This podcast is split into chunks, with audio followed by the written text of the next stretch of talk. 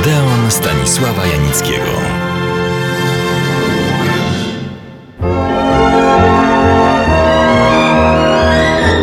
Jednym z moich ulubionych zajęć, nie tylko zawodowych, jest szperanie, grzebanie, wertowanie starych czasopism i książek. Jeśli znajdę jakiś smaczny kąsek, jestem zachwycony i rozemocjonowany. Ostatnio zdarzyło mi się to.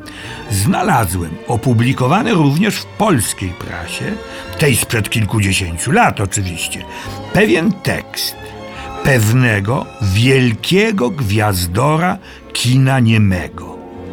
To, co pisze ów gwiazdor, wydało mi się na tyle interesujące, z różnych zresztą powodów, że postanowiłem bywalców Odeonu z nim zapoznać. Ale proszę odgadnąć, kto taki tekst mógł napisać. Nie będę Państwa trzymał w niepewności i na zakończenie dzisiejszego felietonu zdradzę, o kogo chodzi.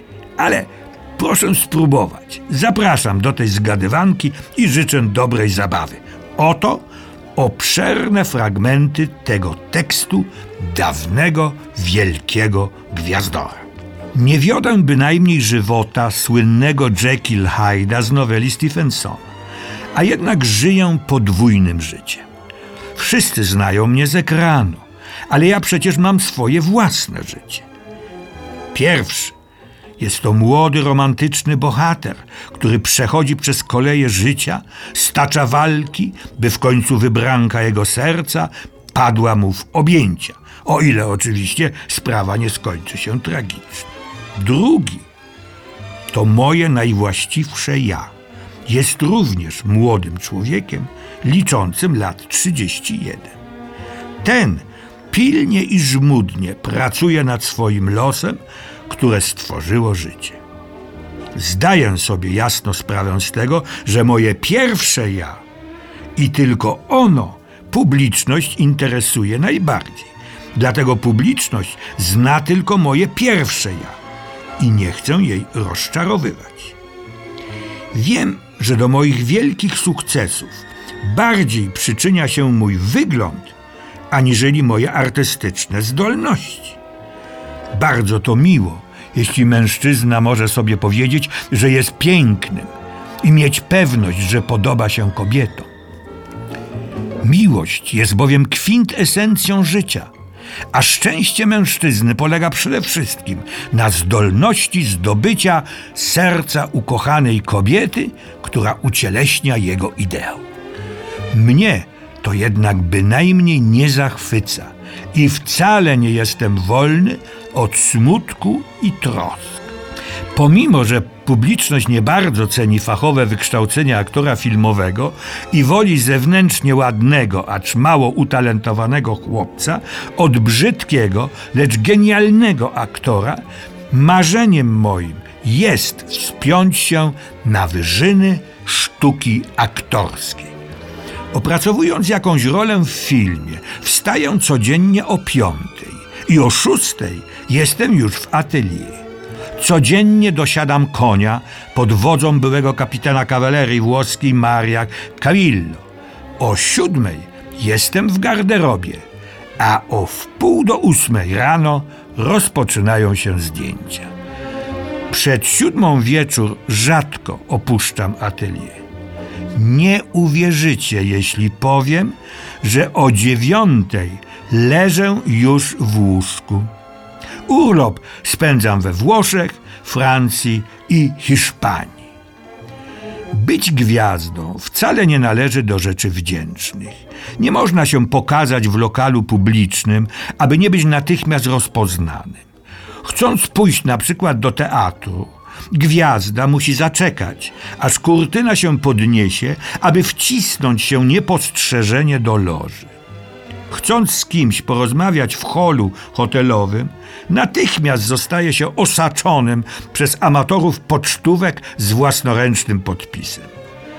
Nie mówię tego wszystkiego, abym miał być niezadowolony z okazywanych nam sympatii. To jest największą dla nas artystów radością ale jednocześnie głowimy się nad dylematami, jak mamy się zachowywać w takich sytuacjach. Jeśli oddaję ukłony i uśmiecham się do ludzi, którzy mnie poznali, uznają mnie niewątpliwie za Don Juana i wiatrogłowa. Jeśli zaś udam, że nie widzę nic i nikogo, posądzą mnie o arogancję. Co czynić? Jak postąpić? Na koniec muszę jeszcze dodać, że łatwiej stać się gwiazdą, aniżeli nią pozostać. Czyni się gwiazdę odpowiedzialną za wszystko. Jeśli scenariusz jest zły, wina w tym gwiazdy. A przecież gwiazda nie ma nigdy wpływu na wybór scenariusza i z góry jest zakontraktowana na występy w każdym filmie. To się nie stosuje, co prawda, do pewnych gwiazd, tych, które są producentami swoich filmów. Publiczność nie wgłębia się, po czyjej stronie leży wina reżysera czy aktora, i w większości wypadków wini się tego ostatniego. Od gwiazdy filmowej wymaga się doskonałości w każdym kierunku. Od siebie dodam tylko tyle. Starać się będę utrzymać ten kierunek gry, w którym publiczność najbardziej mnie ceni, tak długo, jak długo będę mógł. Kocham bowiem swój zawód nade wszystko. Koniec opowieści wielkiego gwiazdora kina niemego. Niestety, niedługo po opublikowaniu tego tekstu gwiazdor ów zmarł. W Nowym Jorku w roku 1926 w wieku 31 lat. Był nie tylko gwiazdorem pierwszej wielkości, ale, jak to się dziś mówi, ikoną dawnego kina.